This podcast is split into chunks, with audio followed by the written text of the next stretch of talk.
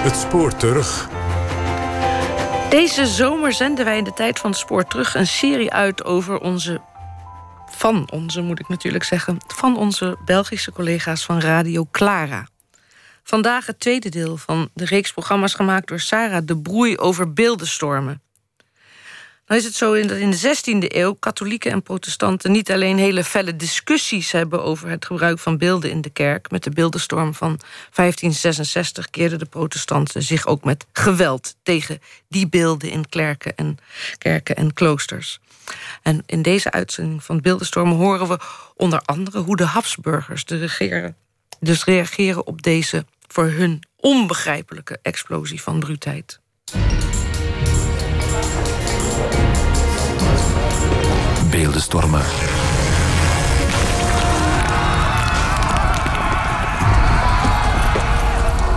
Welkom. In deze aflevering van Beeldenstormen sluit ik het hoofdstuk af over de beeldenstorm die in de zomer van 1566 door de Nederlanden raasde. In de maand augustus trokken de Calvinisten toen een spoor van vernieling langs kerken en kloosters. Van die openlijke opstand moet een grote dreiging zijn uitgegaan. Zeker voor de toenmalige machthebbers, de zeer katholieke Habsburgers. Hoe hebben zij gereageerd op de beeldenstorm? Historica Violet Soen reconstrueert het hele verhaal vanaf de eerste ogenblikken. Als je een rondvraag zou doen, dan zou je um, van heel veel mensen horen dat zij weten dat uh, na de beeldenstorm Philips II heel hardhandig heeft gereageerd. En hoe deed hij dat? Door de hertog van Alva naar de Nederlanden te zenden op een strafexpeditie. En dat beeld van de ijzeren hertog, um, dat is op een of andere manier heel sterk in het collectieve geheugen blijven hangen. Maar we vergeten daarbij vaak dat uh, die hertog van Alva eigenlijk maar een jaar na de beeldenstorm in de Nederlanden aankwam. En dat hele jaar lang is er eigenlijk iemand anders verantwoordelijk om voor de koning te regeren. En dat was niemand minder dan Margaretha van Parma. Zij was de halfzus van Philips II en was eigenlijk een bastaarddochter van keizer Karel V. En was ook de eerste die verantwoordelijk was om orde op zaken te stellen na de beeldenstorm. En dat doet ze met een plakkaat, een uh, beroemd plakkaat op 25 augustus 1566. Dus een vijftiental dagen na de eerste daad van iconoclasme in de Nederlanden.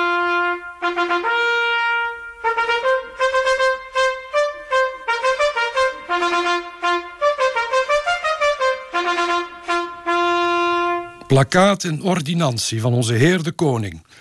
Om de plunderingen, schendingen en de bederfenissen van de kerken, kloosters en godshuizen te verhoeden en te remediëren. En om tegen de beroerte en de commotie van het volk in deze Nederlanden orde te stellen. Het plakkaat was een heel duidelijk verbod op beeldenbrekerij. Of het nu ging om het omvergooien van het heilig sacrament of om het vernietigen van beelden. Alles wat geassocieerd werd met beelden breken, werd gewoonweg verboden. En niet zomaar verboden, er werden ook doodstraffen op uitgesproken. Uh, iedere beeldenbreker die werd eigenlijk vogelvrij verklaard. Dat wil zeggen dat iedereen uh, die een beeldenbreker op straat zag, eigenlijk het recht had om die te vermoorden.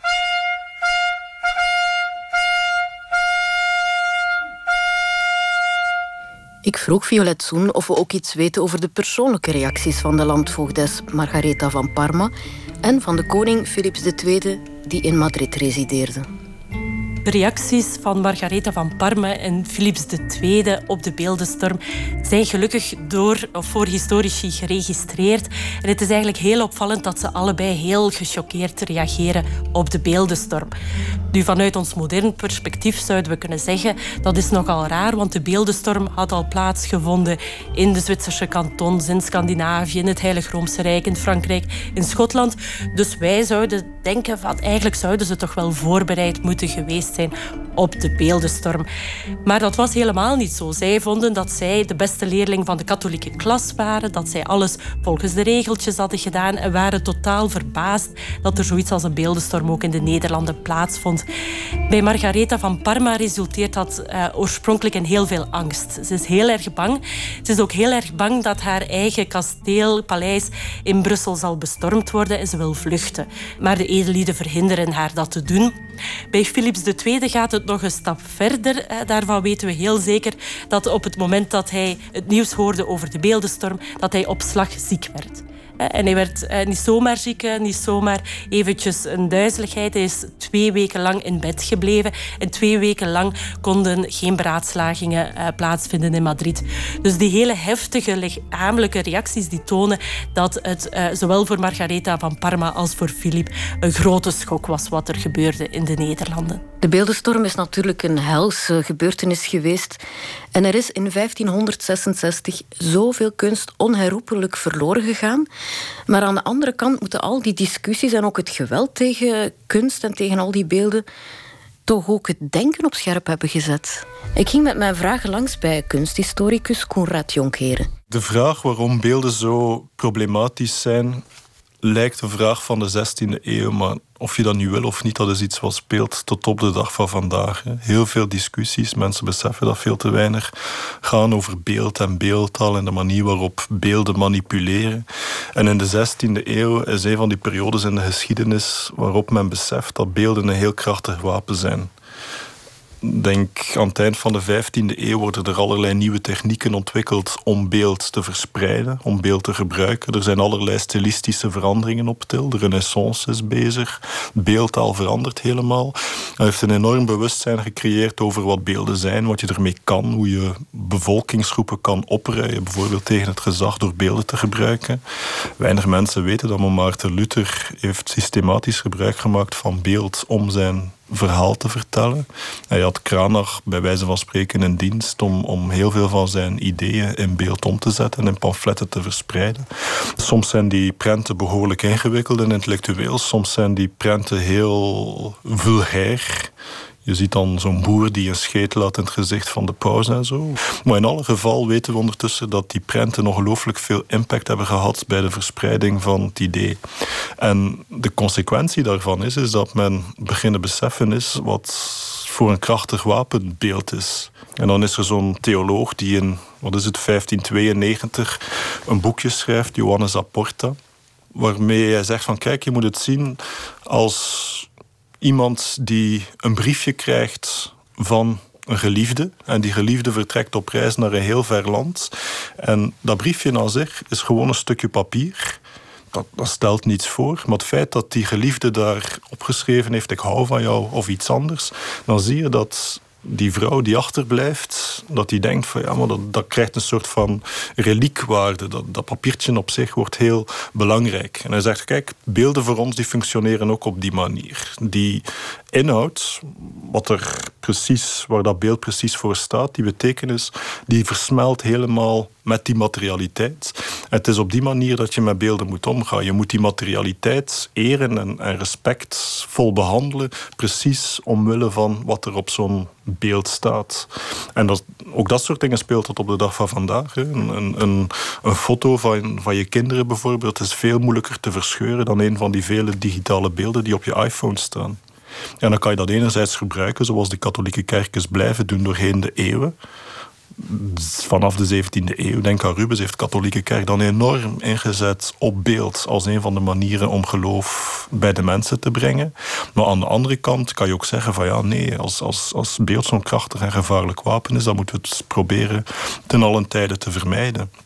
En dat is wat protestanten uh, heel vaak proclameren. Die zeggen van ja, nee, de beelden, daar moeten we niet aankomen. Eigenlijk is die redenering vrij simpel. Zoals zeggen protestanten, kijk, God heeft de wereld geschapen zoals dat hij is. Wij mogen daar niet aan tornen. En als wij als mens in onze beelden bijvoorbeeld daar allerlei ideale of ideële dingen van gaan maken, dan zijn we eigenlijk aan het spelen met Gods schepping en dat moeten we niet willen. Nee, we moeten, als we dan een beeld maken, dan moeten we zo realistisch mogelijk gaan blijven en de mens met al zijn zondigheid in beeld gaan brengen. Tot op de dag van vandaag spelen dit soort dingen. Ook als je, als je kijkt naar discussies over Photoshop en dergelijke, dat zijn eigenlijk discussies die ook al in de 16e en de 17e eeuw gevoerd worden. Over mag je mensen manipuleren, mag je een soort ideaalbeeld maken van iemand die uiteindelijk gewoon een mens van vlees en bloed is, zoals u en ik. Niemand is perfect. En dus als je daaraan gaat morrelen, dan ben je een soort perfectie aan het creëren. En dat ligt gevoelig.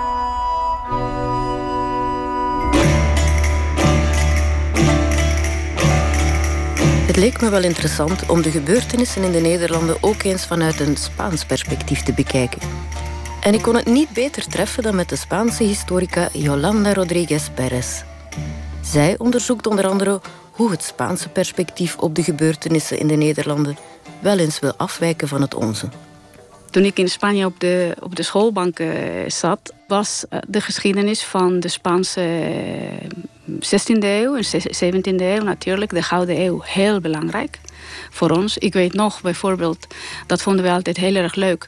We kregen een plattegrond van Europa en toen moesten we inkleuren waar de bezittingen van Karel V zich bevonden. Dus dat was heerlijk, want we kregen die kleuren en we waren gewoon overal lekker aan het, uh, aan het in het groen deden we dat. Ik deed het tenminste groen, groen, groen. Dat, is wel, dat was van Spanje en dit ook en de hele uh, en, en Amerika enzovoort. Dus uh, toen kreeg je in ieder geval zo'n gevoel van goh, wat zijn we groot geweest in die tijd. En de Nederlanden waren natuurlijk een deel daarvan. Die, die, die hebben we toen inderdaad heel mooi ingekleurd. Hè, van ja, die gebieden die waren ook van ons. Maar hier in de welvarende Nederlanden was niet iedereen onverdeeld gelukkig met het Spaanse bestuur. Er was heel wat onvrede uh, met het Habsburgse bestuur uh, reeds in de Nederlanden aanwezig voor de beeldenstorm. En dat was ook al wel doorgecijpeld tot bij Philips II en tot bij Margaretha van Parma. Omdat een hele grote groep van lagere edelieden en stedelijke elites zich hadden verenigd in wat zij noemden het eedverbond der edelen. En dat eedverbond der edelen, edelen waren de belangrijkste personages in de toenmalige maatschappij, dat eedverbond der edelen vond eigenlijk dat de Habsburgers wat te streng aan het optreden waren tegen andersdenkenden en tegen protestanten. En die hadden een manifest geschreven, een, een smeekschrift, waarin ze vroegen aan de Habsburgers om um, de kettervervolging, om de vervolging van protestanten toch wat te verzachten. De koning is koning ten behoeve van zijn onderdanen, zonder wie hij er niet zou zijn. Het is zijn plicht ze naar recht en reden te besturen, zoals een herder zijn kudde zijn leven te wagen om ze te verdedigen. Doet hij dat niet, dan is hij geen koning, maar een dwingeland. Margaretha van Parma bevindt zich na het aanbieden van het smeekschrift ter edele eigenlijk in een bijzonder moeilijke positie. Langs de ene kant, de confrontatie met die edelen toont haar dat eigenlijk het belangrijkste deel van de bevolking um, niet achter haar beleid staat. Dus dat ze niet op die edelen kan rekenen. Langs de andere kant weet ze, als ze met het smeekschrift der edelen naar de koning gaat, dat ze daar niet op uh, veel krediet kan rekenen. Want de koning die wil niet dat um, de ketterwetgeving verzacht wordt. Dus ze probeert te bemiddelen, zoals ze zo vaak doet in die dagen, door enerzijds te beloven aan de edelen dat er een wetgeving zal komen. En ze laat haar raden ook een, een heel specifiek voorstel daarover schrijven. Um, langs de andere kant bericht ze aan uh, Philips II hoe erg de situatie is en probeert ze ook daar hem losser te maken. Helaas voor Margaretha van Parma had haar bereidheid om een beetje soepeler op te treden niet het gewenste effect. De protestanten durfden nu meer van zich te laten horen en hun ongenoegen zou uiteindelijk leiden tot het bestormen van de kerken en kloosters. Zoals we in de eerste aflevering al zagen, waren die beeldenstormers vooral gewone arbeiders. Hoe gingen de edelen met deze escalatie van het geweld om? Want zij hadden natuurlijk wel gesmeekt om de protestanten wat meer vrijheid te gunnen. De beeldenstorm maakt dat de perceptie over het eedverbond der edelen volledig omslaat. Waar ze voordien eigenlijk als de goeden worden beschouwd, als degenen die durven tegen de Habsburgers op te treden, worden ze na de beeldenstorm wat gezien als de aanstokers van zoveel razernij. Uh, oproerkraaiers die ervoor hebben gezorgd dat de beeldenstorm plaatsvindt. En de leiders van het eedverbond beseffen dat ze um, eigenlijk een einde moeten maken aan hun eedverbond als ze nog willen rekenen op krediet van de koning. Langs de andere kant krijgen eh, de voormalige ondertekenaars van dat eedverbond wel de verzekering van hun lijf en van hun goed. Eh, dat ze niet zullen vervolgd worden in de toekomst voor hun protest tijdens het eedverbond der edelen. En er komt ook een hele eigenaardige clausule die zegt dat uh, hagepreken, dus preken van protestantse origine, mogen plaatsvinden op die plaatsen waar ze voor 23 augustus 1566 al plaatsvonden, maar dat dat voortaan zonder um, gewapende um, gardes uh, moet gebeuren. Dus dat voortaan die hagepreken, als ze al voordien plaatsvonden, dat ze alleen maar ongewapend mogen plaatsvinden. Al al lijkt Margaretha van Parma dus vrij mild op te treden tegen de hageprekers en tegen de edelen die zich hadden durven roeren tegen het gezag. Maar de prins Willem van Oranje interpreteerde de maatregelen die Margaretha van Parma had genomen na de beeldenstorm nogal erg vrij. Sommige edellieden, zoals de prins van Oranje, gaan um, die toestemming, die impliciete toestemming, ook gebruiken om eigenlijk hele vergaande toestemmingen te doen aan uh, protestanten. Waar het officiële verdrag met het Eedverbond der Edelen spreekt over hagepreken alleen die toegestaan worden, zal de prins van Oranje bijvoorbeeld in Antwerpen toestaan dat protestanten uh, plaatsen krijgen voor een godsdienstbeoefening en dat ze ook mogen uh, religieuze godsdienstoefeningen doen. Dus dat is heel wat verder dan die hagepreken die toegestaan werden. Jolanda Rodriguez Perez vertelde me hoe er vanuit Spaans perspectief naar de figuur van de prins van Oranje werd gekeken. De prins van Oranje was natuurlijk een soort belichaming van het kwade vanuit het Spaans perspectief. Hij was degene die de andere edelen uit de Nederlanden heeft overtuigd om in opstand te komen de oorlogskronieken zitten vol en, en bol met uh, negatieve opmerkingen over hem. Die te maken hebben bijvoorbeeld met zijn geloof, met het feit dat je geen idee had wat hij was van geloof. Dus een, uh, ja, hij was Anabaptist en dan was hij Lutheraan en toen was hij Calvinist. Dus de, ja, hij deed er uh, maar een beetje aan alles mee. En hij wordt natuurlijk um, ook heel erg zwart gemaakt door beschuldigingen die te maken hebben met zijn eigen belang. Dus dat hij helemaal niet geïnteresseerd was in het belang van, uh, van de Nederlanden of iets dergelijks. Dat hij ook bezig was met zijn eigen persoonlijke bezit te vermeerderen. En uh, wat verschrikkelijk was in de ogen van de Spanjaarden was de, de, de ondankbaarheid die hij toonde tegenover Philips. Want uh, uh, ik denk dat veel mensen dat beroemde schilderij kennen van op het moment dat Karel V afstand doet van de troon. En dan leunt, zoals we weten, uh, Karel V op de schouder van Willem van Oranje. En uh, aan de andere kant zien we Philips. Dus hij is altijd de trouwe vassal van de koning van Spanje geweest. En dat wordt gerepresenteerd in de Spaanse bronnen als een soort van ja, de grootste ondankbaarheid en, en, en, en verraad die je kunt uh, vertonen tegen je rechtmatige heer. En daarom is Margaretha van Parma uiterst ontstemd over het gedrag, het eigen gereid gedrag van de prins van Oranje. En ze gaat hele felle brieven schrijven tegen hem eh, naar haar halfbroer Philips II. Ik kan van hem niets goeds verwachten, omdat ik zo vaak het tegendeel heb gezien. In Antwerpen werden de kerken verwoest op het moment dat Oranje net de stad had verlaten. Nadat hij er op eigen houtje en op basis van zijn eigen autoriteit heeft toegestaan dat de sectariërs drie plaatsen krijgen om heen te gaan en te bidden. En dat alles zonder me te consulteren. Hij beweerde dat dit nodig was om het gewone volk rustig te houden en om de handel te laten draaien. Ik heb hem gevraagd om dit verdrag terug te trekken, want ik wil het niet goedkeuren en ook niet afkondigen en ook helemaal niet aan Uwe Majesteit overbrengen. En hoe werd er in Spanje gereageerd op al deze onheilspellende berichten uit de Nederlanden? Intussen in Madrid vinden ook beraadslagingen plaats over de beste oplossing om uh, opnieuw de rust te herstellen in de Nederlanden. Uiteindelijk beslissen ze de hertog van Alva voorop te zenden met een leger om zo duidelijk het voorbeeld te stellen dat beeldenstormen niet kan. Alva, u gaat met een leger naar de Nederlanden en u krijgt onbeperkte volmacht de schuldigen zonder aanzien des persoons te straffen. Ik zal geen meelij hebben met Gods vijanden, maar mijn plicht doen tegenover God en tegenover u, majesteit. Mijn gezag als koning is getart en de godsdienst besmeurd. De belangrijkste aanstokers. En daar uh, vinden ze dan ook dat de, de graaf van Egmond en de graaf van Hoorn bij horen. Die worden terechtgesteld. Er wordt ook een raad van beroerten opgericht. Uh, die beroerten die moeten gestraft worden.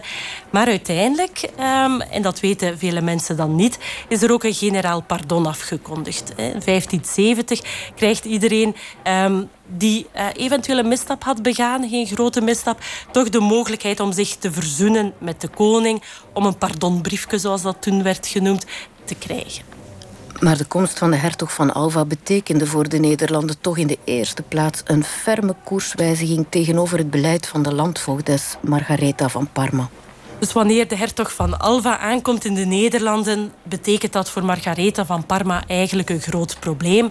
Alva staat aan het hoofd van de troepen, maar zij is landvoogdes. Ze voelt dat het tij zal keren en dat heel veel van haar toegevingen zullen teruggeschroefd worden. En ze besluit eigenlijk eh, haar ontslag in te dienen bij haar halfbroer, waardoor de hertog van Alva onvoorzien ook landvoogd wordt. De Nederlanden zijn in staat van oproer verklaard. De rechtbanken wordt verboden recht te spreken over degenen die lid zijn geweest van het Verbond van Edelen of betrokken waren bij de opstand. U kunt de rechtbanken dat recht niet ontnemen, dat is onwettig. Er zal een speciale rechtbank worden ingesteld die de Raad van Beroerten zal heten. De rechters zullen zich hier met hand en tand tegen verzetten. Dan zullen zij merken, madame, dat ik een koppig man ben die gewend is zijn eigen weg te gaan. Ik wil de haat die door deze maatregel wordt gewekt wel op mij nemen. Ik denk dat de meeste Spanjaarden een idee hebben van de hertog van Alva was uh, een, een grote militair en, en veldheer die, die grote prestaties heeft geleverd in, in het verleden.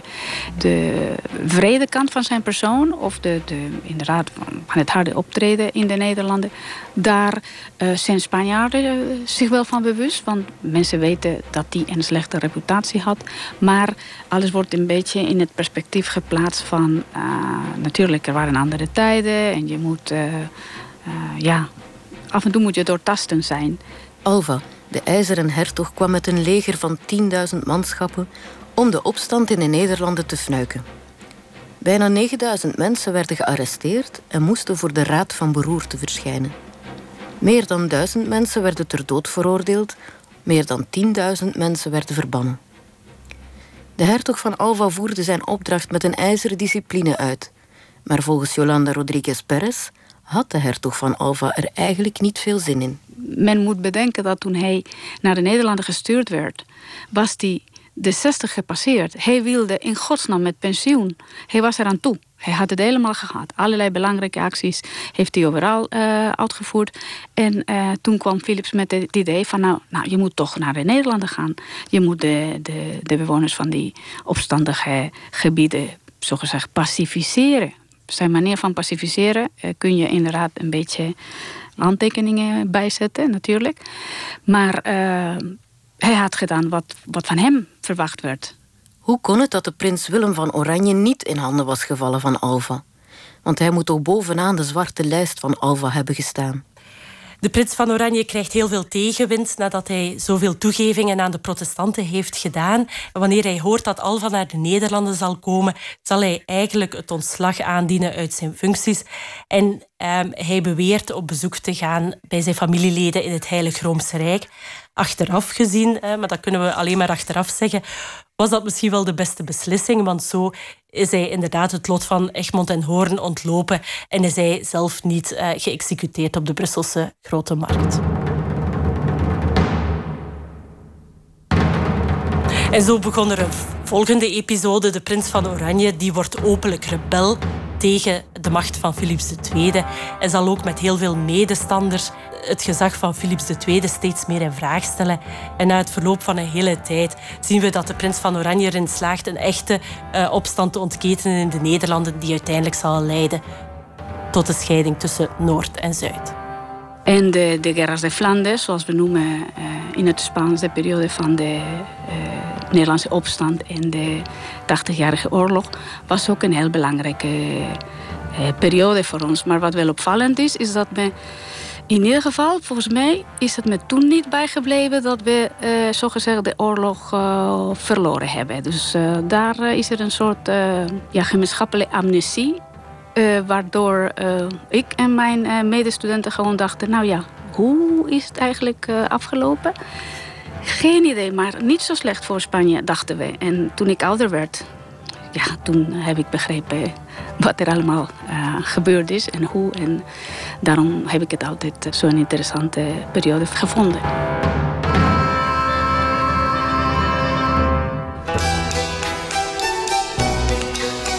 De deel van de serie Beeldenstormen die wij deze zomer uitzenden. En die vorige week, zeg ik nou, die vorig jaar gemaakt is door onze collega's van Radio Clara. Volgende week is het derde deel en daarin over de 8e eeuw... toen het oude Byzantium te maken kreeg met een beeldenstorm... waardoor de orthodoxe schilderkunst, de icoonschilderkunst... nu totaal anders is dan die van ons. Deze serie is ook als podcast te beluisteren... en die podcast kunt u vinden op clara.be slash beeldenstorm.